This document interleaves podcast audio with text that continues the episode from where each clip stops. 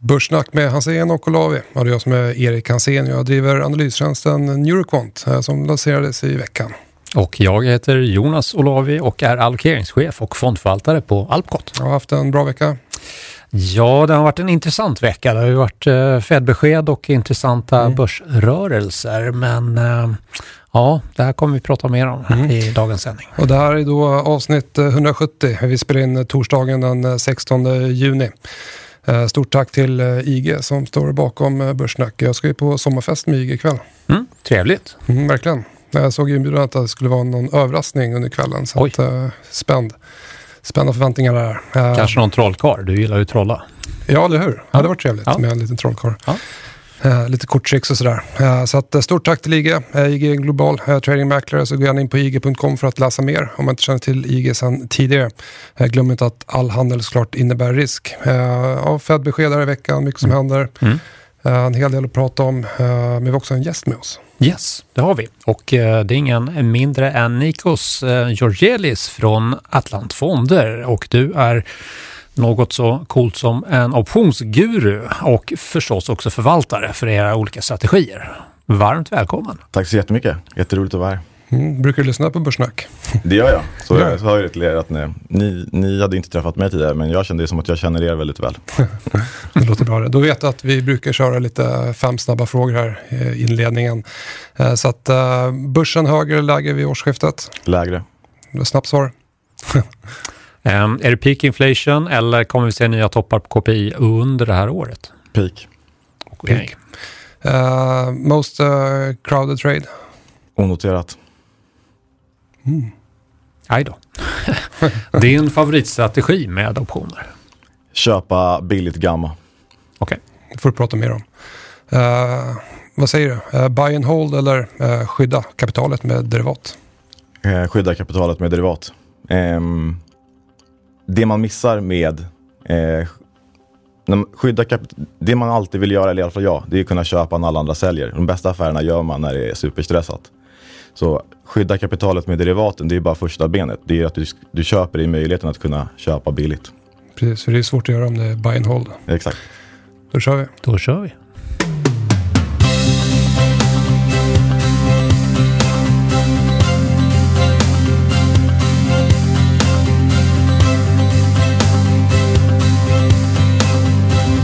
Börssnack med Hansen och Olavi.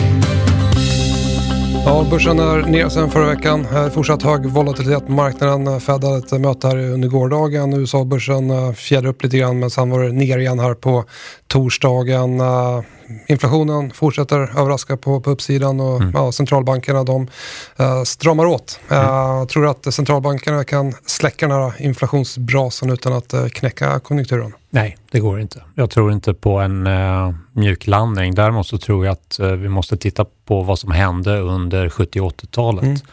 När Paul Volcker var um, Fed-chef. Och eh, han kom ju in i en miljö där inflationen drog eh, enormt eh, hårt. Och vad han bestämde sig för, det var att eh, jag struntar i marknaden, nu ska jag fokusera på att få ner inflationen.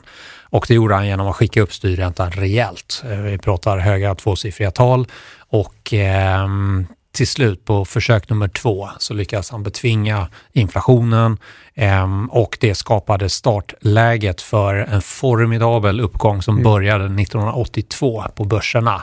Men för att komma dit så behövdes det en recession då. Mm. Jag kommer inte ihåg där eh, vad som hände på 70-talet. Wikipedia. ja, Men, eh, men eh, han, det han gjorde också, eh, det var ju att han han stramade åt ganska länge också yeah. efter att inflationen hade liksom vänt ner. Jag tror väl inte kanske att de kommer att göra det idag då. Men absolut. han, han lyckades ju få ner inflationen. Mm. Och recessioner, kollar man på, på Sverige till exempel, nedgång, tillväxten första kvartalet förväntas nedgång också här i andra kvartalet. Det är en, det är en teknisk eh, recession. Mm. Det finns olika sätt att, att räkna på, på recessioner. Eh, forskningsorganisationen NBR har ju lite bredare eh, konjunkturbegrepp där. Eh, men aktiemarknaden har ju tagit höjd för en recession. Men kanske en mild recession. Mm. Eh, får vi en uh, djupare recession, uh, som vi har sett då historiskt, till exempel på, på 70-talet, så, Mm. så finns det såklart mer nedsida på, på aktiemarknaden. Absolut, och jag fick lite nys om um, lite forskningsartiklar då från Lotta Moberg som ju var med Ja, i podden tidigare. Och ehm, hon tittade då på en analys av uh, Bollius och Summers. Summers är ju en av de kända ekonomerna. Och eh, de menar på att eh, dagens inflationskaraktäristika, det vill säga hur inflationen beräknas idag, är inte densamma som under 70 80-talet. Så vad de gjorde då, det var att räkna om eh, de här inflationskomponenterna och mycket handlar om huskomponenten då, att man ser boende som en tjänst men även som en investering då.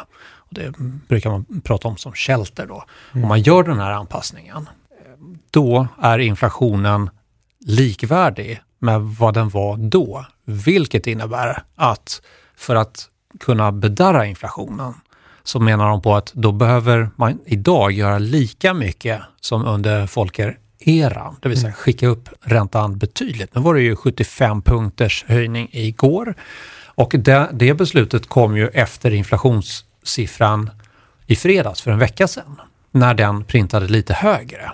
De hade ju innan dess och marknadsprissättningen var ju också eh, inställd på 50 punkter.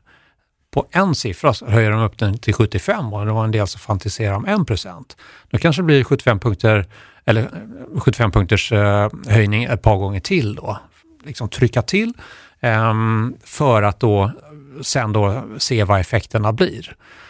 Och det här påminner lite grann om det, som det gjorde då på 70 80-talet. Därför första inflationsuppgången, då tryckte eh, folk Folker upp räntorna, sen föll de tillbaka och så fick han liksom inte kontroll på inflationen utan de kom i ett ja, sving nummer två.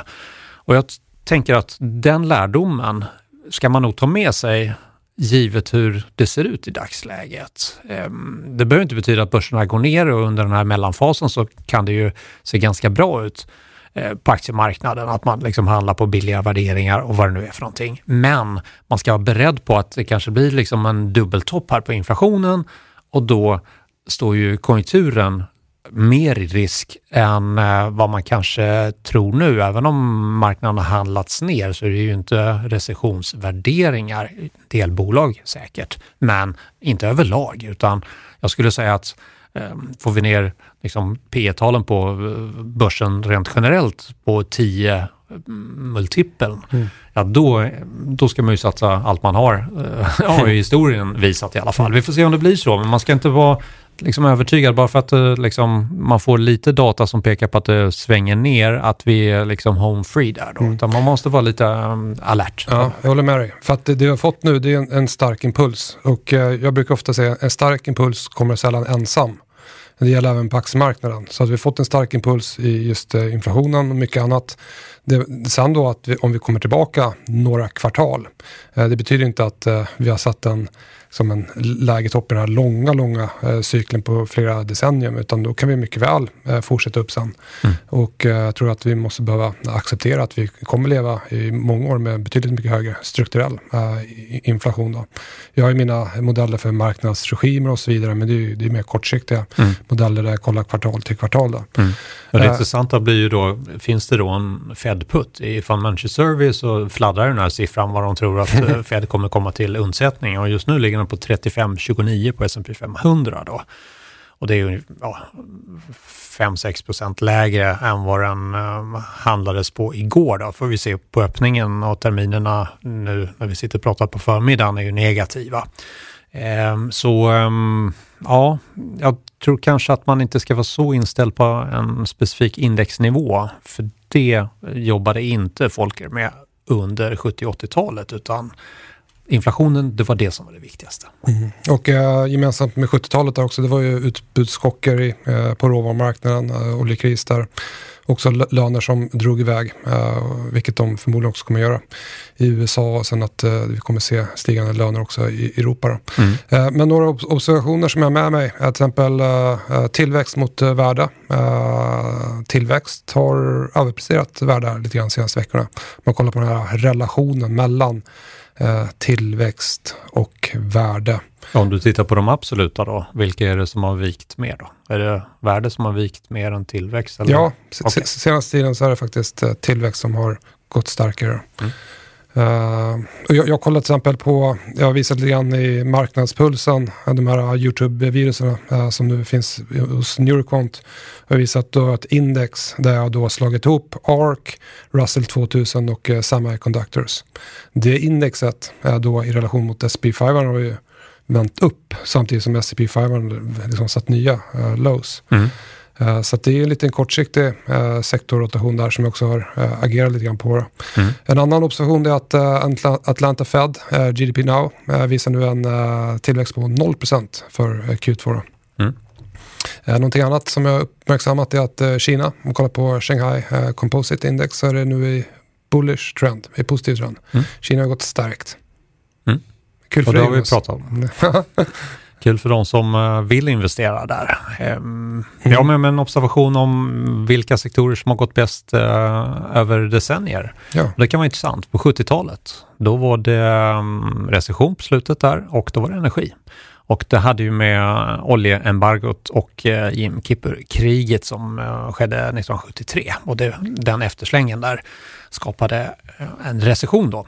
80-talet, då hade vi också recession de första åren där. Eh, och då var det dagligvaror mm. som eh, gällde. Defensivt, defensivt, defensivt. 90-talet, då var det IT. Då, det var det man skulle äga fram till att det small. Det var då du hängde på Stureplan och drack champagne? Exakt, det var då. eh, och eh, 2000-talet, då var det energi faktiskt och material, materials. Mm. Varför det? Jo, Kina. Eh, och supercykeln. Supercykeln. Var det inte mm. Sandvik som pratade om supercykel där i 2007? Precis. En kvart innan det stängde. Ja. Men då gick inte IT något vidare under det där eh, decenniet som såklart några bolag gick väldigt bra. Under eh, 10-talet, 2010, så var det IT, bland annat då Semiconductors, mm. som gick eh, väldigt, väldigt bra. Och nu under 2020-talet så är vinnaren, vet du vilken är? Energi? Nej, IT. Sen kommer energi. Men IT är på väg ner ganska snabbt här nu då. Så snart kommer okay. energi ha liksom gått bättre här då. Ja. Eh, materials har också gått bra relativt sett då medan eh, industri och finans eh, ligger back, telekom ligger back, kraftförsörjning ligger back. De här är lite mer defensiva, men de är ju på Eh, liksom, återtillväxt här nu då. När man säljer mm, ja, IT och annat som har med framtid att göra så köper man det som man, de som man vet tjänar pengar. Tryggt och, och försiktigt. Då. Fakt, faktorstilar, har du koll på faktorstilar? Mm, absolut. Hur ser utvecklingen ut där? Um, jag tittar på just i år då och um, då är de mest framgångsrika stilarna um, utdelning, mm. låg volatilitet och värde. De som har gått sämst, högbeta, kvalitet faktiskt och tillväxt. Och de som gått lite si så, eh, återköp, likaviktade, dividend aristocrats, eh, lågvåld och eh, momentum. Mm.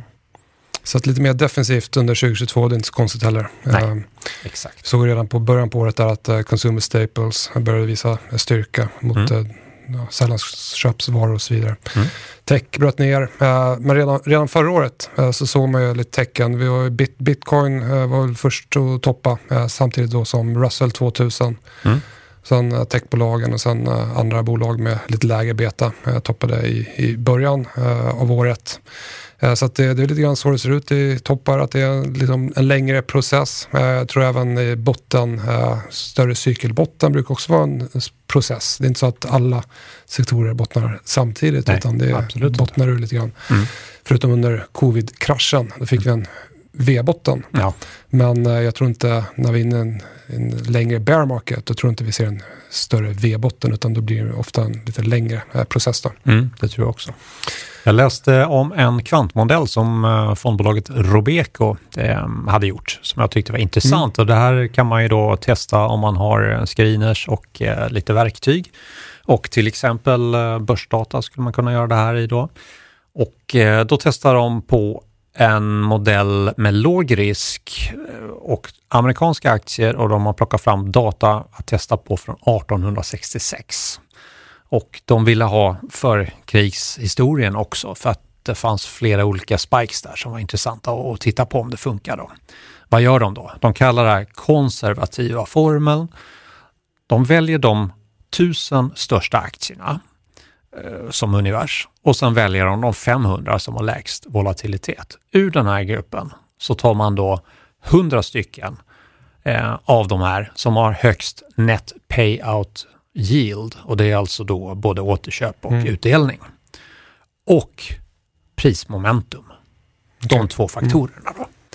Och så rebalanserar de den här eh, faktorn då kvartalsvis och genom att då också titta på eh, utdelning och prismomentum så tyckte de att då undviker man en del eh, fällor med låg volatilitetsinvesteringar, eh, till exempel hög, hög eh, värdering och svagt momentum.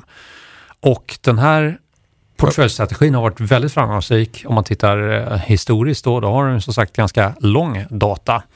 Ehm, och tittar man på relationen mellan risk och avkastning mellan 1866 och 1928, det vill säga eh, över första världskriget och eh, dessförinnan förstås, så eh, underperformade högriskportföljer de som hade lägre risk. Så lägre mm. risk var bättre, men den här konservativa portföljen var klart över, eh, överavkastande. Om man tittar på hela tidsperioden som är 1866 till 2021, eh, så även här då var högriskportföljen kombon Eh, en lågavkastande. Man har hög volatilitet och eh, låg genomsnittlig avkastning. Du hade högre avkastning och lägre volatilitet förstås i låg volatilitet, men den konservativa portföljen mm. överträffade ordentligt eh, den här avkastningen. Så att det visade sig vara ganska bra då och då tittar jag lite grann på eh, börsdata. Eh, tänker jag nu då? Då tittar jag på momentum och utdelning. Där fick jag inte fram lika bra så intressanta aktier som om man tittade på utdelning och pristrend, eller trend mm. som det heter i börsdata. Då fick jag ett större urval med bättre performande ehm, eh, aktier. Så om man då ska översätta den här så tycker jag att man ska göra, man kanske ska börja titta då, om man nu använder börsdata, då kan man titta på utdelning och eh, trend. Vad är trend? Från trend är kursen över 200 dagars glidande medelvärde. Okay. Positiv trend. Mm. Så, man så, kan, så kan man göra. Man kan, få ner, man kan få ner volatiliteten och också få en bättre avkastning. Ja, precis. Och när jag då eh, tar den modellen, då får jag börsdata i den här tappning som det är just som per igår, så är det 16 605 bolag. Då nycklar den ut 889 bolag. Så det finns ju att titta på. Och skulle man göra om den här, då välj, välj 500 och sen så välj 100 och, och så rebalansera mm. kvartalsvis. Så ja, de som är intresserade kan sitta och, och leka med det där. Det skulle säkert vara en intressant, eh, ett intressant utfall. Men då handlar det om, om eh, globala aktier. Då. Just det. Uh, en annan strategi är det är ju att försöka köpa dippar i fallande trend. Mm. Eller försöka uh, sälja toppar i stigande trend. Mm det är sällan det fungerar. Eh, jag har försökt tidigare men det är, svårt. Det är, mm. svårt att försöka hitta någon botten när marknaden handlas i, fallande trend. Ja. Så det, är väldigt lätt att försöka, försöka vara smart, eh, försöka vara bättre än omgivningen och försöka gå mot marknaden. Mm. Eh, men jag pratade lite grann om det här förra veckan också. Och ja, vi ska liksom inte försöka ha rätt i vår åsikt utan vi ska försöka tjäna pengar. Mm. Vi ska inte ta oss själva på, på så stort allvar. Uh, men, men, men hur som helst, uh, det, det, det, jag fokuserar uh, på idag då, i dagsläget i dagens marknad, tog med, med lite punkter här som också nämnde i veckan hos Neuroquant. Det, för det första, det är position och risk management. Kolla på om är det någonting jag ska öka eller minska i portföljen. Är det någonting jag ska gå ur helt? För det andra så kollar jag på marknadsregimerna. Vilken marknadsregim är vi i dagsläget och vart är ekonomin på väg? För det tredje så kollar jag på den här dominant market regimes. Kolla på vad marknaden diskonterar och handlar på. Handlar, marknaden handlar ofta eh, lite före. Så vill man, vill man handla på det som marknaden mm. handlar på. Eh, sen kolla på momentum ranking. Eh, vilka marknader eller sektorer eh, som visar bra eh, momentum och dåligt momentum och så vidare. Och ser då den här rankingen, vissa sektorer i marknaden som går upp och ner. Och Mm. Nu till exempel har vi sett fordon som har gått uppåt och semiconductors har gått lite bättre och så vidare. Eh, sen kolla på trend och trade range, eh, potentiell uppsida, nedsida för OMXS30, eh, SP 500, kika på där. Sen kollar jag på den här implied volatility ratio, en indikator där som, som är skapad för att se hur marknaden, hur intresset ser ut för att köpa skydd eh, på, på nedsidan. Mm. Och där om man har en premie så är det bullish då. Mm. Eh, Men det har vi inte sett här eh, senaste veckorna. Eh, kolla lite grann på breakouts. Är det några marknader eller sektorer som satt nya 100 dagars högsta eller några aktier som har brutit uppåt från bottenfaser eller konsolideringar. Kan vara potentiella eh, köpkandidater. Eh, sen kollar jag på mean reversion. Är det några aktier som, har, eh, som handlas i positiva trender men rekylerar tillbaka? Är det några marknader eller sektorer som, som, som handlas i fallande trender men har rekylerat uppåt? Och de då vill jag shorta eller sälja. så det är lite grann det jag fokuserar på i dagsläget. Jag försöker, Mm. inte, försöker inte fokusera på att pricka den här botten. Eh, Utan har din strukturerade process för att sortera bort bruset helt enkelt. Ja, eh, och sen handlar, handlar mycket annat än bara aktier också. Som privatperson så, så kan jag handla allt möjligt. Mm. Eh, Så att det, det, är, eh, det, är, det är mycket, mycket som går att handla där ute. Eh, Mm. Mycket som handlas i fortsatt eh, positiva trender. Mm. Även om eh, ledande eh, aktiemarknaderna, kolla på S&P, eh, OMX handlas i negativa trender. Kina har brutit uppåt i bullish trend i, och för sig där. Just det. Låter väldigt spännande, men jag vill veta mer om optioner. Ska vi inte ta och plocka in Nikos? Det gör vi.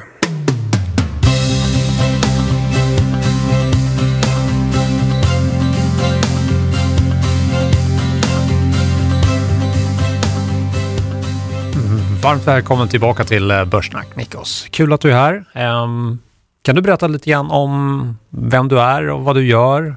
Och ehm, ja, har du något fritidsintresse som eh, ingen kanske känner till? Um, Nikos Realis heter jag då. Eh, Jag är 36 år, förvaltare på Atlant, pluggat finansiell matematik, alltid varit väldigt intresserad av finans under hela KTH så att jag försökte bygga snurror som skulle tjäna pengar alltid åt mig. Men det gick sådär. Ehm, sen var jag eh, market maker, eh, handlade väldigt mycket optioner på Danske Bank eh, fram till mellan 2013 och 2017. Och sen 2017 så blev jag då förvaltare på eh, Atlantfonder. Där jag är en av tre förvaltare och eh, vi handlar väldigt mycket optioner eh, som är en väldigt viktig del i vår förvaltning. Kan du berätta lite grann om Atlant Fonder? Vad är det för bolag? Eh, Atlantfonder är ett eh, fristående fondbolag eh, där våran eh, fokus är på vad vi kallar marknadsneutrala hedgefonder. Det betyder att vi får vi har väldigt, vi har friare mandat. Eh, sen är våra hedgefonder kan låta väldigt riskfyllt. Våra fonder är i som de lägre riskbucketsen. Eh, så egentligen är det väl att vi ska, vi ska avkasta ungefär samma sak alla lägen oavsett vad som händer. Eh, och eh, inte ha massa ursäkter. Eh, och vara liksom ett komplement till portföljer. Så vi ska gärna avkasta positiv avkastning men göra på ett sånt sätt som man inte får från traditionella risktillgångar som aktier och räntor. Eh, som ett, eh, någonting som kan komplettera portföljen, det är det som Atlant erbjuder. Vad är målvolatilitet och målavkastning för den typen av strategier som ni bedriver? Eh, våran nyckelprodukt då, det är fonden Atlant Opportunity. Den ligger i riskklass 3. Så den ska ha ungefär samma risk som en företagsobligationsfond. Eh, och där målet är att avkasta över liksom en riktigt lång tidsperiod försöker vi avkasta aktiemarknadens riskpremie över riskfri ränta fast till företagsobligationsrisk. Mm. Eh, så det är vad den försöker göra. Så riskfri plus 5 ungefär till företagsobligationsrisk. Eh, Just det. Och hur har det gått här under eh, 2022? Det har varit väldigt hö- hög volatilitet på, på marknaden. Hur eh, går era eh, strategier i den typen av miljö? Vi hade Vi hade väldigt knepigt januari, februari. Eh, Precis Där. när det, när det började vända ner. när det började vända ner. Och det kommer från att eh, vi jobbar på, det var, det var många samband som inte riktigt eh, fungerade där. Så vi har en, eh, det finns ett, vad vi kallar för en opportunity-ben, en aktie, ett aktieben och det är små bolag med hög beta. Och där vi liksom modellerar med 2-3 i beta på många av våra aktier så hade vi 5-8 kändes det som under många dagar eh, i den där portföljen. Så då gick den ner liksom mycket mer än vad, vad hedgarna liksom parerade. Och sen så hade vi även eh, vi har även ett fixed income-ben där vi jobbar med optioner mot räntemarknaden. Och där hade vi en exponering mot eh, europeisk high yield. Eh, och om man kollar januari, februari där, då var inte börserna ner så himla mycket. Så du hade nästan liksom, europeisk high yield ner lika mycket som Eurostox samtidigt som vollorna var ganska höga. Så vi, fick inte, vi kunde inte riktigt parera det eh, via våra eh, skydd, våra mm. hedge-strategier. Så, så vi, vi, vi, hade vår liksom starttorsk där egentligen, när, när de här liksom sambanden som vi räknat ut inte riktigt stämde. Men sen dess har det, har det, har det liksom fungerat bra. Eh, så eh, då har vi liksom genom hela Ukraina-krisen och de här stora svängningarna upp och ner så, så ligger fonden ganska stabilt och, och, och gör vad den ska göra. Eh, men januari, februari var liksom där vi hade problem när vi fick alldeles för högt beta i aktieportföljen. Men eh, är det ofta så att eh, det blir problem just vid större vändningar i marknaden? Att man behöver liksom bekräfta att trenden vänder och så vidare. Sen när det blir mer en, en större trend i marknaden att det är då som strategierna fungerar, eller? eller? Det har faktiskt fungerat jättebra ja. eh, och framförallt eh, kanon liksom vid alla vändningar tidigare. Eh, den här gången så, så var det inte så, men jag skulle säga att den här perioden stack snarare ut. Eh, räntemarknaden kontra aktiemarknaden rörde sig mycket, mycket mer eh, i början. Så, så stöket i, i räntemarknaden var alldeles för högt Eh, eller aktiemarknadens för lågt då, kontra man, hur man ska säga hur de där två brukar eh, bete sig sinsemellan. Så liksom ett brett bondindex i USA var ju ner 10 när, USA, när S&P var ner 10 och i vanliga fall så brukar du inte se dem liksom röra sig i tandem utan den ena brukar gå ner mycket mer. Så, så att aktier och räntor liksom var lika, hade lika kraftiga rörelser, det var, det var, det var en sak som ställde till det. Det där brukar inte hålla i sig så länge. Eh, men det var därför som våran hedge då, ska man säga, var underhedgad initialt. Eh, men tid, ja, så, så, jag skulle inte säga, annars brukar det liksom fungera väldigt fint. Eh. Um, nu ska du få en målarlåda då och uh, grundförutsättningarna är att räntorna tickar upp. Vi har centralbankspolitik uh, på gång, uh, börser som um, ser lite småsåsiga ut.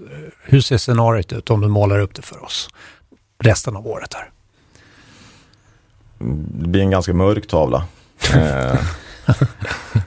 Tråkigt. Lite, ja, ljusbrun kanske som bäst. Men eh, nej, vi... Jag är rätt övertygad om att vi, vi går in i någon recession. Eh, jag tror att eh, jag tror att centralbankerna, alltså, nästan att de faktiskt borde kanske ha höjt ännu mer nu. Passa på nu och höja och få upp det för att jag tror att den här hösten och även in i nästa år kan bli ganska, ganska dåligt för ekonomin. Eh, och snarare att man borde försöka skaffa sig ett utrymme för, för att backa. Jag var med i en annan eh, podd för två veckor sedan. Eh, så här, jag är så bäsad att jag tror på QE inom 12 månader. Nej då. eh, men jag, tror att, eh, jag tror att ekonomierna kommer ta stryk. Jag tror att vi kommer gå in i en eh, recession och jag tror att inflationen kommer komma ner men fortsatt vara hög. Um, med, med det sagt så det är liksom inte Lehman Brothers ner på börsen härifrån. Utan det är, det är ja, säg 10 till 20 procent ner. Alltså 20 procent ner till kanske mot årsskiftet. Där, eh, där, kommer, där finns det ändå väldigt bra liksom, värde i väldigt mycket grejer. Och eftersom inflationen kommer inte bli noll igen. Det tror jag inte så. Det kommer vara någonstans där man, man ändå vill gömma sig liksom, i, i, i bra aktier. Men, men jag har väldigt, väldigt svårt. Det, det scenariot som jag verkligen inte kan se, så det är förmodligen det som kommer hända. Det är ju att vi får en snabb liksom, recovery eller en snabb uppgång. Att vi liksom kommer tillbaka till att det blir hejdis. Jag tror att man får jag tror att det, det kommer finnas bra value liksom, i att äga aktier, men man får vara beredd i att det kommer bli som, som det var förr i tiden. Att du får äga en bra portfölj och så får du äga den i tre fyra år. Och sen så då så kommer du avkasta dina 6 till 8, 10 procent om året med utdelningarna. Mm. Så att det blir det som du då inte tror på är ni positionerade för en sån rörelse eller blir det lika jobbigt som i januari, februari då? Att ni inte hänger med eller? Um, men det skulle, det skulle bli bra ändå.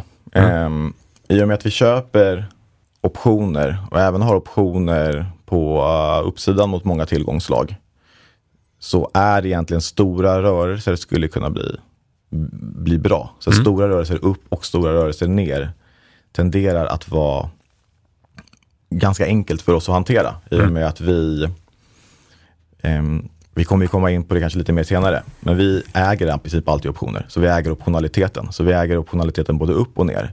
Och om du har en position där du äger liksom optionalitet åt båda håll, så blir en stor rörelse ner bra för dig, en stor rörelse upp blir bra för dig. Och det du ger bort är egentligen att stillastående är där ja, som du blöder. Just det. Um, och det är väl egentligen det är väl egentligen det som jag tycker är, eller det som är knepigt här då. Så om, om man att man är ganska negativt inställd i höga våldnivåer och man tror att det kanske bara ska ner 10-20 till.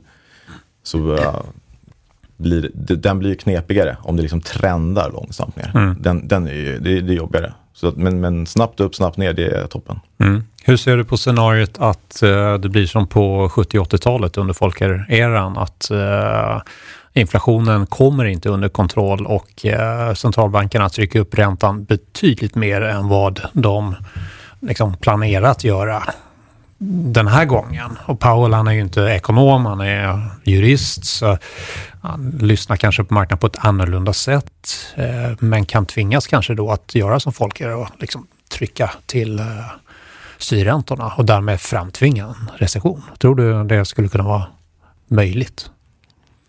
Jag tror det är korta, men jag tycker ändå de, de slängde ut sig någon liten kommentar där igår att vi tittar ändå på asset prices. Um, så tycker ändå att det var en liten bling till marknaden att the Fed putta är inte helt borta. Um, däremot så ligger den kanske lite längre ner. Och det, framförallt tror jag det skulle vara om, om huspriser och sånt skulle börja falla. Så uh, kommer de nog ändra sig. Um, det är min uppfattning. Eh, jag har en kollega som tror annorlunda. Att, de, att, att det där är mycket mer sannolikt. att nu vill de gå in och framtvinga en recession, få inflationen under kontroll, visa att de bestämmer, eh, skapa sig ett manöverutrymme för att sen kunna liksom hantera recessionen och ha ammunition för att sänka räntor och sådär. Eh, så där, det, det, är väl där som vi lite, lite grann skiljer oss i, internt i vår eh, förvaltning. Men jag tror att jag tror inte att de kommer gå, gå på så aggressivt för jag tror att ekonomin kommer ser alldeles för svag ut här framåt. Mm. Och äh, finns det någon äh, sektor eller äh, marknad som, som du tror kan klara sig i relativa termer lite bättre under den här, det här huvudscenariot som du har? Vad ska man äga? Jag tror att med en bonds, tror jag. Mm. Eh, räntorna har kommit upp. Det kommer inte bli någon så här fantastisk utveckling, men om, om jag var tvungen att liksom ta gift i någonting som jag tror kommer ha positiv avkastning 6-12 månader framåt så skulle det vara bonds. Eh, vilken typ av bonds? Eh, Långa eller korta? Eh, Stat eller typ, företag? Ja, men någon, någon, någon sån här blend. In, inte, inte IG-bonds, men eh, eh, kanske någon, eh, någon kombo av typ, en ganska safe amerikansk statsobligationsportfölj mm. som ligger och gildar sina norr om 3% och så håller man den i 12 månader. Eh, där skulle gömma mig just nu. Mm. Mm. Och uh, vi var inne på det lite grann där, uh, just uh, optioner, volatilitet. I samband med kvartalslösen så brukar det vara lite ökad volatilitet. Vi har kvartalslösen här i morgon fredag. Eh, jag och Jonas pratade lite grann om Gamma eh, förra veckan. Vi pratade med Jonas Thulin eh, för några månader sedan om just Gamma, hur han då anpassar sig efter det. Men kan inte du förklara lite grann vad som brukar hända i samband med de här kvartalslösen och om det är någonting som ni bryr er om? Um, Eh, jag tror det är bra först att folk förstår bara vad, vad gamma är. Så att man förstår liksom vad, vad, vad det är som sker. Och om vi ska göra det superenkelt så kan vi säga att vi har en endagarsoption eh, och en aktie som står i 100 kronor. Och så köper du ett kontrakt av mig som ger dig rätten att köpa den för 100 imorgon också. Och, eh, och, och jag vet inte om den ska gå upp eller ner. Så det, det, det första jag gör då är att jag vet bara att imorgon, om den här aktien står i 105, så kommer Erik köpa dem på 100 av mig. Så jag måste kunna leverera aktier till honom. Och så kanske du har köpt det här kontraktet för 2 kronor av mig. Så, så min det jag kommer göra då dag ett är att jag köper 50 aktier om, om det är 100 stycken du ska få levererat. Och, och sen så följer jag den här under dagen. För att det gäller för mig att den, så länge den stannar på eh, under 100 då ska inte du ha några aktier. Och så stänger den eh, över 100 så ska du ha aktier. Och, och, och, så säger vi att den här aktien sitter och, och rör sig under dagen. Så först går den upp lite, då måste jag köpa lite mer aktier. För sannolikheten att du ska få 100 aktier av mig har ju ökat. Och i takt med att den går upp så kommer jag köpa mer, mer, mer. Och sen så i takt med att den skulle gå ner då, då kommer jag ligga och sälja av de här första 50 som jag har köpt. Eftersom sannolikheten var 50-50 att den går upp eller ner. Så det förstärker volatiliteten när Ja. du köper på uppställ och säljer på nedställ? Jag har ju sålt en, eh, jag har sålt en option, eller en, rätten till dig att göra någonting. Är, så jag har en skyldighet. Eh, och precis som du säger då att skulle marknaden då börja handla upp den här aktien, då kommer jag också i min tur tvingas gå in och köpa aktier. Och skulle den börja handla ner, då kommer jag i tur liksom tvingas gå in och sälja aktier. För jag vill inte att förlusten på de här första 50 i nedgången ska bli mer än de här två kronorna som du har betalat för rätten. Eh, och, och det är där som man då blir, eh, då är jag kort gamma heter det. Eh, så att jag har, ett, jag har ett negativt gamma som ska sitta och hedga. Du skulle kunna ha ett positivt gamma om du var liksom våldtrader och satt åt andra hållet. Så i takt med att aktien går upp så kan du ligga och sälja och i takt med att den går ner så kan du ligga och köpa. Så eh, en lång gammal position som, som man skalpar, om man, om man tar bort själva optionen, så här, då ser man ju alltid ut som världens bästa trader. Eh,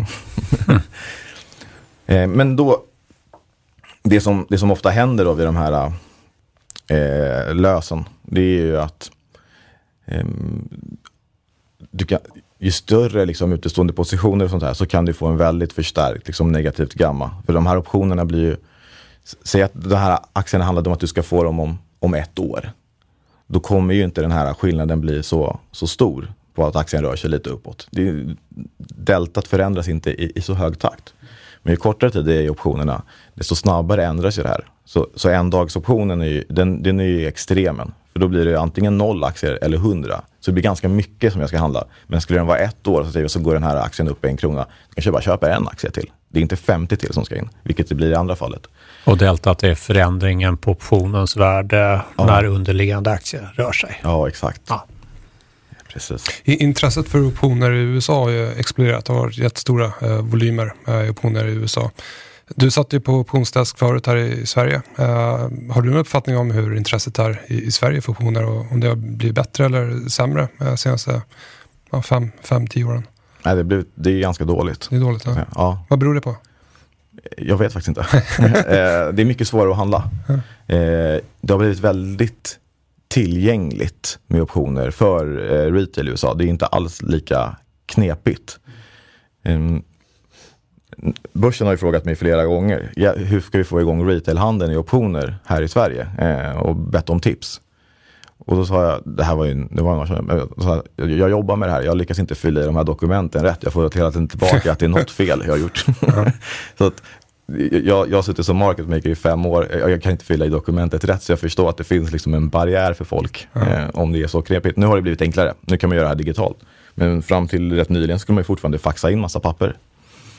Ehm, men jag tror att det är jag tror att det är en liten ehm, ehm, bara den här barriären av att det har varit krångligare att handla. Nu har allting blivit mycket enklare. Nu kan du handla om ISK. För, för, han, för intresset för handel är ju liksom på rekordnivåer och, och alla, folk handlar ju alla de här eh, varianterna och struktprodukt. Alltså, folk handlar ju massa sånt, men inte just vaniljoptionerna. Ehm, Det blev väldigt stort i USA med de här meme stocks eh, när man liksom hjälpte till att tvinga fram eh, att market makern skulle gå in som köpare också. När man köpte optioner och så jagar man market makern som fick jaga priset. Då. Ja, Så här har ju inte kommit samma typ av eh, så att säga, fenomen och det är väl IG med alla de här eh, alternativa produkterna eh, som kan vara en förklaring. Sen är det ju de aktier som folk tycker är roliga att handla, är ju inte de som har haft optioner. Det är ju, om du tycker att det är jätteroligt att handla Evolution och Embracer och Sinch. Nu har några av dem fått optioner, men det är ju de papperna som behöver optioner. Det är ju in, det är inte att, att, det är inte att ställa calls på uh, liksom covered calls i Telia som, som lockar retail. Ehm, så det är väl lite där också. De, de behöver lösa så att de, det skapas en optionsmarknad i, i lite roligare grejer. Och vem är det som gör det? Är det Stockholmsbörsen som på egen anmodan eller på eh, intresse från marketmakerna? Ja, eller? det är en kombination av det. Okay. Och, och, problemet mycket där brukar ju ligga i att aktien måste vara tillräckligt likvid. Eh, och att marketmaking kan ju ofta hamna eh, väldigt lång aktier eller väldigt kort aktier. Och där måste det liksom finnas tillräcklig access på aktielån och sådär för att marketmaking ska kunna liksom erbjuda likviditet alltid. Just det. Så det, har ju varit, det, det är det som gör att alla de här minsta aktierna inte riktigt går att, att göra saker på. Mm. Mm. Och när du sitter med dina kollegor på kontoret och snackar lite börs och sådär.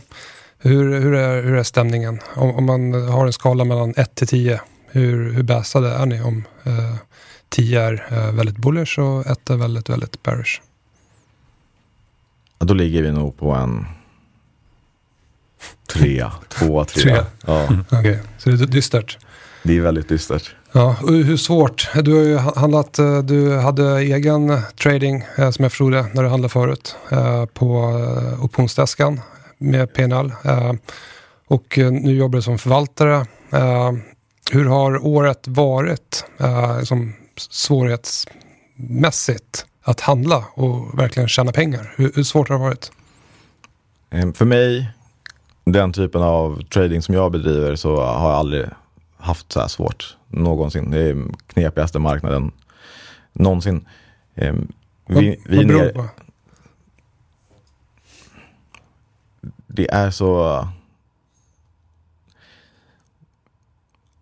Dels är volatiliteten extremt hög. Mm. Eh, så om man tog typ första kvartalet så var det väldigt, väldigt dyrt att använda sig av optionerna. Det är ju lite granna och det, det är så som jag alltid tyckt om att handla. Eh, och det blev mycket, mycket dyrare. Så man varit mycket knepigare.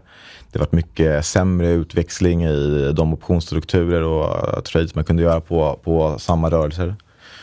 Som, eh, säg in, innan covid, då kunde du göra liksom, 1000% på att S&P gick upp 2,5% på en månad. Eh, nu händer ju ingenting med optionerna på en sån rörelse eh, på dagens vårdnivåer.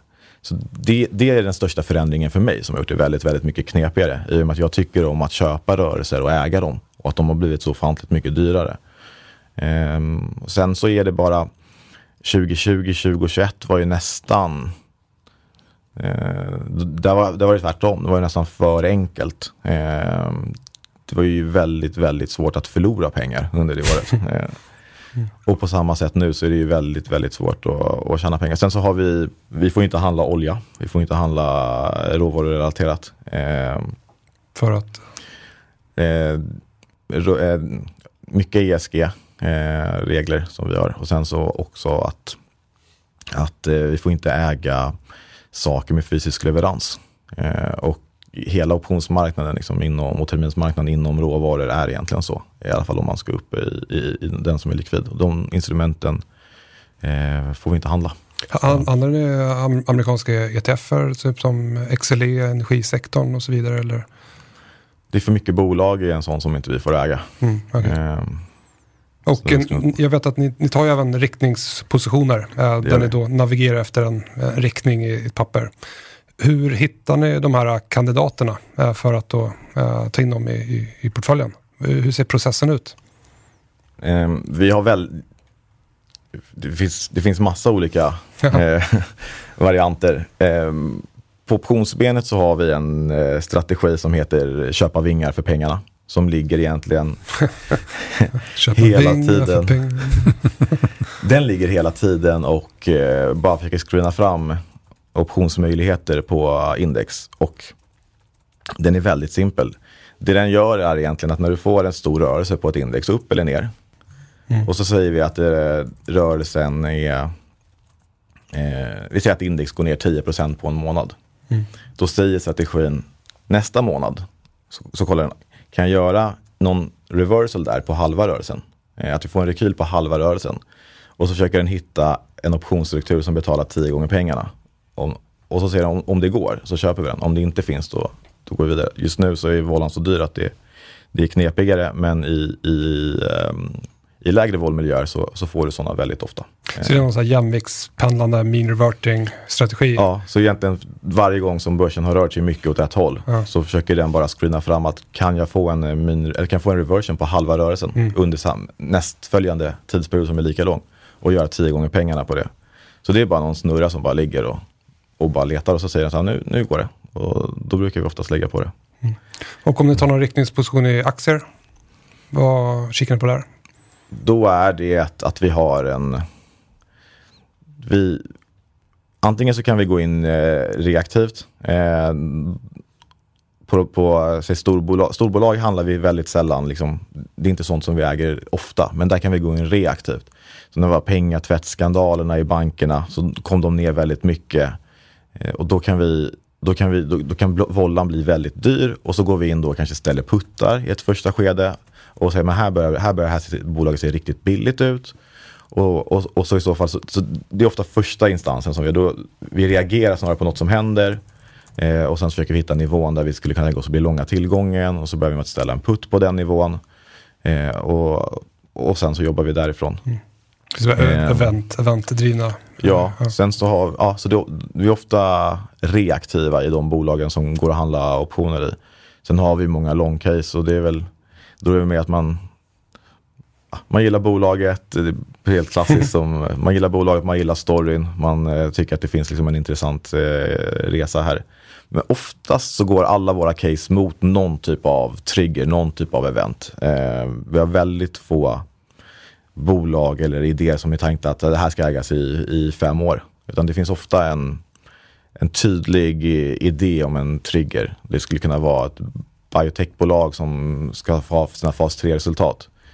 Eh, nu är det inte, liksom, det, är inte, det är inte kärnan, men det förklarar ganska mycket vad vi, vad vi letar efter. En tydlig trigger till varför det här bolaget skulle kunna få en snabb upp, eh, utveckling. Och apropå triggers, om man kollar på vinstestimaten så har inte de alls följt med aktiemarknaden eh, senaste tiden. Vinstestimaten är fortsatt eh, relativt höga. Vad, hur, hur ser du på det? Är det en upp, nedsida i vinstestimaten eller har aktiemarknaden tagit ut för mycket på nedsidan? Jag tycker de ska ner jättemycket. Ehm, Estimaten ja. Ja, ja. jag förstår inte alls varför eh, de inte revideras ner. Ehm, Det, För, för företagen ändå försökt kommunicera. jag tycker bolagen är ute ganska tydligt och Ja. berättar om att det är tuffare tider och eh, det är, vi kommer bygga mindre, vi kommer leverera mindre. Det är, det, det är knepigare och leveranskedjorna är stökiga. Och, Mm. Så jag förstår faktiskt inte alls varför inte de har börjat revideras ner. Jag tror att det kommer vara fallande.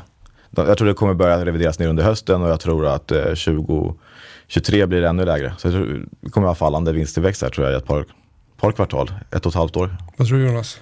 Vinstestimaten? Jag tror de kommer komma ner också. De har ju reviderats upp de senaste ja, veckorna, vilket är jättekonstigt. Ja. Eh, men ja, sånt är livet. Eh, om man nu gillar sin portfölj, du har gift dig med de här aktierna. Vad kan jag göra som privatist på optionsmarknaden för att skydda mig, för att skydda portföljen lite grann då? I en, eh, I en lågvolatil miljö så är det ju superenkelt. Du kan gå in och köpa en, eh, en put-option. En Man- säljoption. Ja, en säljoption. Jag, eh, man, man kan göra det ganska enkelt för sig egentligen. Man kan säga att, eh, säga att min portfölj är värd, säga, man har en portfölj för en miljon kronor. Och sen så varje år så kanske man, om man ska göra supersimplifierat, så säger man bara att vad, kostar en? I snitt så skulle jag säga att en 10% nedsidesputt, ettårig, första januari, kostar ungefär 3 En- Och den tar man på indexnivå eller? Ja, det blir på... Jag brukar tycka om att använda index. Över tid så är det den billigaste och effektivaste hedgen. Och det, är väl, det var ju lite det som gick dåligt för oss, ska jag säga, januari, februari. Att vi hade en massa bolag som vi älskar, som är lite mer högbeta än index. Och sen så blev de ännu mer högbeta och indexhedgen var inte tillräcklig då. Ehm, så så det, det här kan absolut stöka till det. Men jag tror att för de flesta så räcker det väldigt långt i att om man har en väldiversifierad portfölj så handlar det om att du vill vara någonstans, du vill ha ett skydd när det blir ett Lehman Brothers. När du, du, det, det är extremerna som du vill undvika. Så om, om du då köper en indexputt som ligger 10% eller 15% out of money och så lägger du då... Out of the en- money, det är under nuvarande kurs. Ja, exakt. Ja. Så uh, säg att du skulle då 15% så kanske du betalar dryg procent. Då vet du ändå att så här, händer Lehman Brothers så ja, min portfölj kommer gå dåligt men då var börsen ner 70%. Så någonstans ish så ligger jag på att jag kan tappa max 16 eh, på det här året. För där har jag ändå låst in det. Det är en ganska bra komfort tror jag. Hur ska man tänka där i förhållande till värdet på sin portfölj då? Eh, Så, så att du har en miljon då ja, och du älskar bolagen. Hur stor skulle den vara för att du skulle få den här motsvarande då, 16 procent på Jag tror stort att, men jag tror att eh, i snitt så kostar det ungefär då 3% skulle jag säga att hedga den från 10% ner. Då har du en maximal nedsida på 13 eftersom du har betalat 3. Ehm, Och skulle den gå upp så tappar du bara de där 3 procenten Exakt. men du är med på uppgången på dina aktier. exakt, så du kan tänka att jag, jag har den här portföljen och jag har en 3 liksom lägre. Jag, jag börjar året på minus 3 då varje år kan precis. man tänka. Ja. Men det gör också att jag kommer klara mig väldigt bra under de mest stökiga dagarna. Mm. Och om man simulerar det här, det, är en, det finns ju en idé om att puttar alltid eh, kostar pengar. Eh, det här är någonting som man gör för att man är orolig. Eh, det, försäkringar, äger dem över tid, liksom, det, det är inte bra. Försäkringsbolaget säljer dem ju av en anledning. Och det här är ju någonstans en försäkring mot din aktieportfölj. Just det. Eh, om, man kollar, om, man, om man simulerar det här, att man har gjort exakt det här som jag sa nu. Varje år så köpte man en 10% nedsidesputt på S&P och har gjort det sedan 60-talet. Då får man en portfölj som inte bara har eh, mycket, lägre, eh, mycket högre riskjusterad avkastning. Det har faktiskt avkastat positivt. Så det, det, är roligt det är en av få försäkringar som finns i världen där du har liksom en 60-årig historik.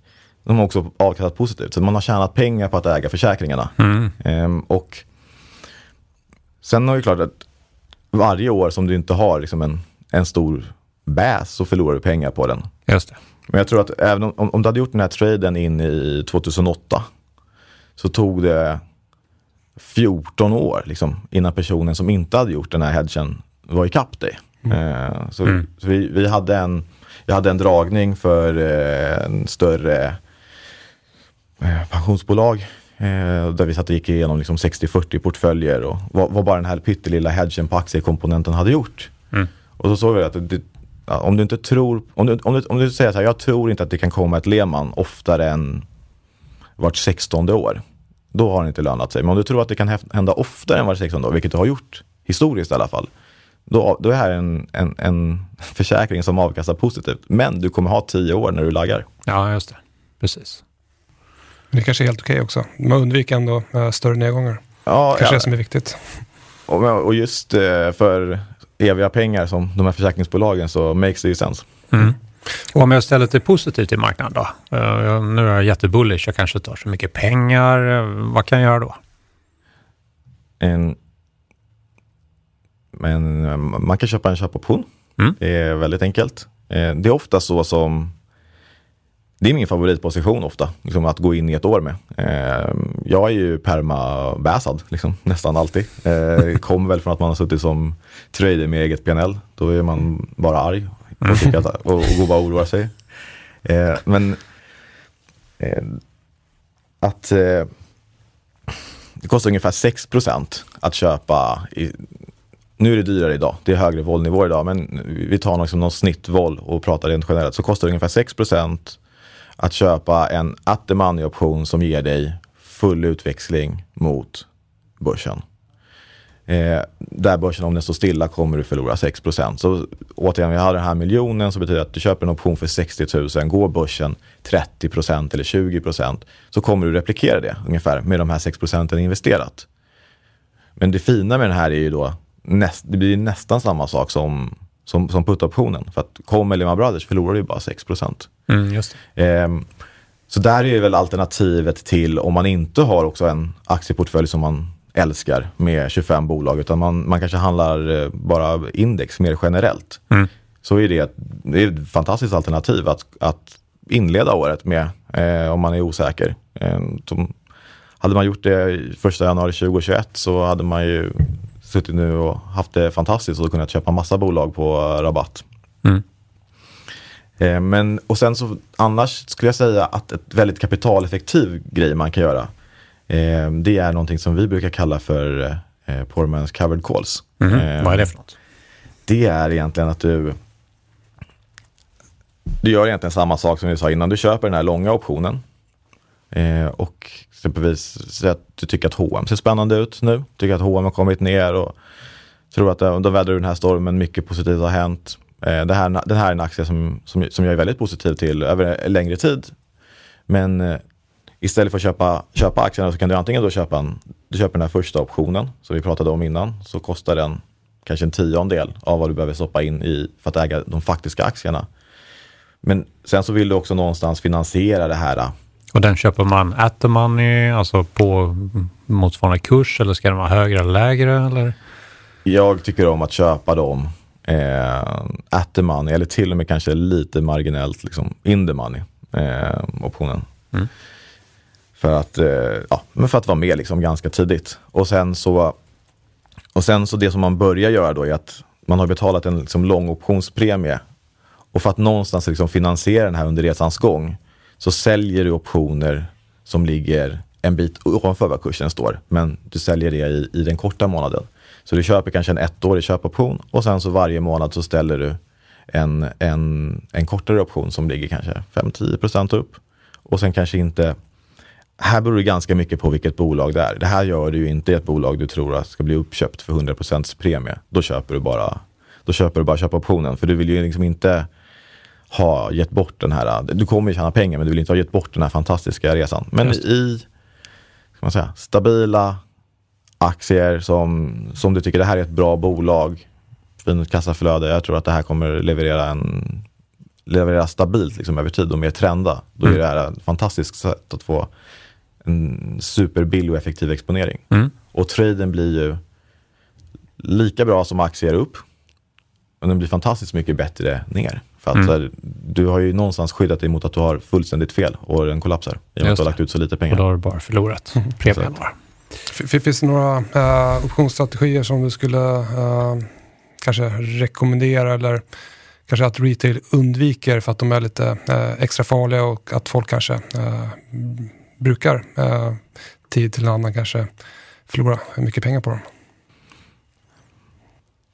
det, den stora risken med optioner generellt sett det är ju att man inte har koll på sizing. Ehm, så när man börjar handla med optioner överlag ska jag säga, handla mycket mindre än vad du ens har tänkt tills du har förstått vad det är du håller på med. Eh, och jag skulle säga också när man börjar handla med optioner så köp dem bara. Då vet du i alla fall att min maximala förlust här det är vad jag betalat. Så, så dag ett har du svart på vitt. Mm. Så Inte ställa ut säljoptioner. så, så det här är väl den här eh, lärokurvan som jag skulle säga att man ska göra. Det är att man börjar med att man bara köper optioner och så köper man jättesmått. Man kanske bara köper ett kontrakt. Så man lär sig och förstår hur de här fungerar, hur de rör sig och så följer man. Så får man en känsla för det. Och sen, man ska ju ställa optioner över tid också. Man ska liksom använda hela verktygslådan. Men det man kan göra då först är att då kanske man köper en option som är, vi säger vi tar H&M så köper du kanske 120 kolen. Och så säljer du 130 kolen, lika många antal på det. Då kan du aldrig förlora. Då kan du inte heller förlora liksom, mer pengar än, än, än vad du har, har investerat. Så man börjar då med att man ställer på ett innehav. Eh, man kanske äger massa hm aktier så kanske man börjar med att sälja en option mot dem. Så säger man så här, om H&M går upp jättemycket så är jag beredd att sälja några aktier här uppe. Men, men, men det absolut viktigaste är sizing. Så att man ska inte gå in och börja ställa puttar och man ska inte... Det tar ett tag innan man förstår. ehm, ehm, man sätter den här sizingen. Man, man, man går gärna på för mycket och man tycker att det känns eh, fjuttigt. Men det går så himla snabbt. Och de här optionerna blir ju antingen värda massa pengar eller så blir de värda noll. Och det ska man också ha med sig att varje gång du köper en option, den, kom, den, den kommer antingen bli värd noll eller pengar. Så nedsidan är alltid 100% och det går snabbt. Mm. Och har du sålt den så är nedsidan brutal. Just det. Ska vi ta några avslutande frågor? Ja, det tycker jag. Ja. Vad är den bästa traden du har gjort då? Inom optioner? Vad är det du säger? Ja, det där var en riktigt bra trade. Från tiden som market maker eller i fonden eller på något annat sätt? Jag, jag har alltid, jag har fortfarande inte haft den här, du vet, så här sinnessjuka, jag har gått och väntat på den liksom. Den kommer. Den Eh, kommer.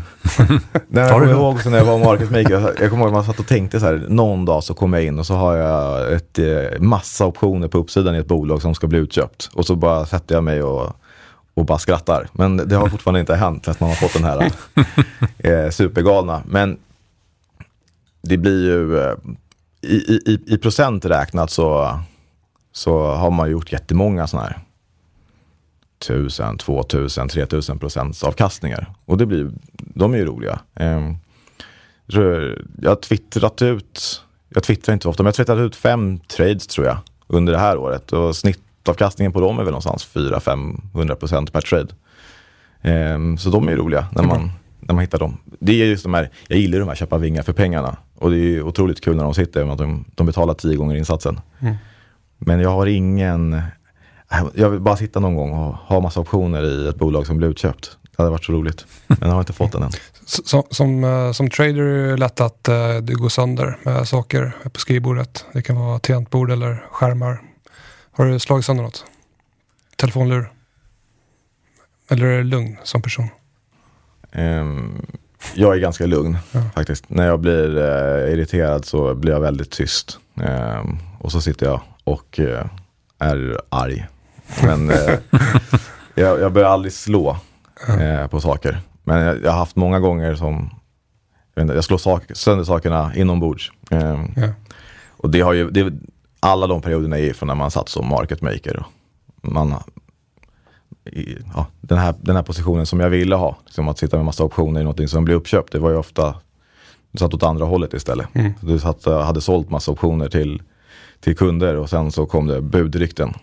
Och så satt du med sådana jättestora gammer och istället började jaga aktien själv. Eh, precis som vi pratade om, jag kommer ihåg. Vi, satt med, vi hade någon kund som kom in och köpte massa Meda-optioner av oss. Den hade ju budrykten flera gånger om med jämna mellanrum innan den blev, blev och, och, och det gammalt som vi hade. För varje krona aktien liksom rörde sig så skulle vi handla liksom en stor normal, alltså en stor del av en normal liksom dagsvolym. Och då blev det ju, när, när den började röra sig så aggressivt och, och, och så ska jag hedga mig, så blev jag blev liksom en stor del av rörelsen på, på budryktet. Och samtidigt så vet man att ja, men blir det bud, då är, då är det ju fullständig katastrof. Så du hamnar i en sån här helt omöjligt läge där du bara vet att jag, nu kommer jag förlora pengar. Så frågan är bara hur mycket. Då är det inte roligt. Låter stressigt. Om man vill lära sig mer om eh, strategier, optioner, var ska man vända sig då? Finns det lättillgänglig någonstans? En, Na- Nasdaq erbjuder faktiskt en del kurser, är ju Mm. gratis. Ehm, och de erbjuder även ett eh, ganska enkelt optionsverktyg som jag tror retail kan få eh, gratis. Eh, så det är en bra start. Men den absolut bästa skolan är faktiskt att börja handla. Ehm, så att man, man, man börjar handla optioner och smått och in och petar. Och köp en aktie, köp en option i ett bolag du tror positivt på. Köp en eh, börja lära dig de här olika strukturerna. Köp en, köp en straddle eller vagga eller alltihopa eh, över en rapport i något bolag du tror kan ha en viktig rapport framför sig. Se hur den beter sig och ja, så bara börja handla. Det, det är bästa skolan. Mm. Mycket bra. All right. Stort tack för att du kom och lycka till framöver. Ja. Sitt nu inte i en medaposition framöver. Tack så mycket. Det var jätteroligt att få vara med. Stort Kul tack. att du kom. tack.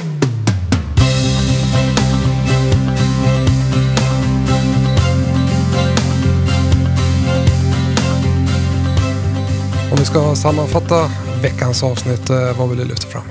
Ja, att centralbankerna jobbar på ganska intensivt just nu. Att det här är negativt för risksentimentet, även om just Feds eh, räntehöjning igår initialt fick en liten positiv reaktion, men det är ju ändå trender som är börsnegativa. Eh, och eh, att man måste ha en strukturerad process för att inte gråta ner sig för mycket och eh, ja, liksom, ta för mycket energi från en. Så att eh, Ja. en bra strukturerad process som du mm, beskrev tyckte jag var väldigt värdefullt. Vi ska inte sitta och tro, hoppa eller gissa vart marknaden ska ta vägen utan det gäller att, kolla på data, då blir man mer objektiv. Annars är det lätt att man eh, låter känslorna eh, ta över. Mm. En annan sak var också eh, titta på his historiken vad gäller eh, bekämpning av inflations, eh, så att säga, inflation. Mm. Och det bästa vi har är från 70 80-talet. Det är inte superlångt tillbaka och där kan man googla och läsa mycket och eh, det finns bra forskningsartiklar kring den tiden mm. Ehm, som handlar om det och en nyutgiven sådan. Jag kommer lägga ut det sen på Twitter så kan man gå in och läsa lite själv om man vill då. Mm, och dagens gäst? Ja, eh, Nikos eh, Georgielis från Atlant Fonder var väldigt intressant att lyssna på. Eh, liksom bakgrund från market making-hållet, förstår den sidan och sen sitter han nu som förvaltare på Atlant Fonder och eh, hanterar derivatrisken. Eh, det var väldigt intressant att höra. Det är mycket att tänka på. Det var jobbet eh, årets början där de, eh, deras betapositioner eh, exploderade i, i beta. Och det var ju på nedsidan såklart, det är ju alltid så det funkar, känns det som. Men då klarar inte deras skydd just då av att uh, hedga upp för nedgången i de här positionerna, men det hade man nu rätt ut. Då. Mm. Vad tog du med dig från uh, det samtalet? där? Köpa vingar för pengarna. det kommer alla gå och nynna på nu. ja, det är bra. Uh, köper vingar för pengarna pratar om. Uh, den screenar fram optioner, uh, stor rörelse upp eller ner, uh, jämviktspendlande strategi. Mm. Uh, något annat då? Uh, han gillar ju att hedga. Han pratar lite grann om hur man kan uh, hedga om man har en uh, långsiktig aktieportfölj. Uh, skydda sig lite grann mot nedsidan. Mm. Han tyckte att estimaten borde komma ner lite grann. Tyckte det var väldigt, väldigt konstigt att de inte har gjort det. Mm. Uh, och det uppfattar jag som att du också tycker. ett vanligt misstag eller tips han hade för nya aktörer som börjar handla optioner är att handla mycket mindre, mindre size så att man inte tar för stora positioner. Mm. Och sen bara att man, man köper, äh, köper optioner. Börjar man där, då vet man precis exakt vad man kan förlora i sin trade. Just det. Prata lite grann om gamma-exponering och, och, så vidare. favoritpositionen var att köpa calls. så att, ja, mycket där. Mycket, mm. mycket tekniskt. Det mm. får man lyssna på några gånger mm. så att man hänger med. Och eh, bra tips också att vända sig till eh, Nasdaq för de gratisutbildningar som finns där och känna på vad är det för någonting, hur mm. skulle man kunna börja och han gav flera exempel på vad skulle man kunna titta på. Precis. Jag vet också att uh, IG faktiskt har uh, lite webbinar och sådär ibland om optioner. Mm. Uh, för jag vet att de, de, de erbjuder även optioner, de har ju CFDs optioner, sen turboranter. Mm. Så de brukar också köra lite utbildningar där. in på Twitter och mm. följ. Mm, jag lägger ut en uh, länk där också poddbeskrivningen. Uh, mm. Och apropå podd, jag vet att de också har en podd. Atlantpodden tror jag ja, den heter. Just det. Så den tycker jag man ska in och lyssna på. Uh, Alltid bra att följa förvaltarna för de sitter ju i, mitt i smeten och uh, delger sina tankar och uh, idéer mm. på ett bra sätt. Ser att OMX nu är ner på ny årslägsta. Ja, första. Första. Då tycker jag vi avslutar dagens eh, podd och eh, ser om våra portföljer. Mm, bolag, strategier och fonder som nämns här är ju inga rekommendationer. Det här är bara observationer. Du gör din egen hemläxa men du ska också ha en riktigt skön helg. Tack och hej.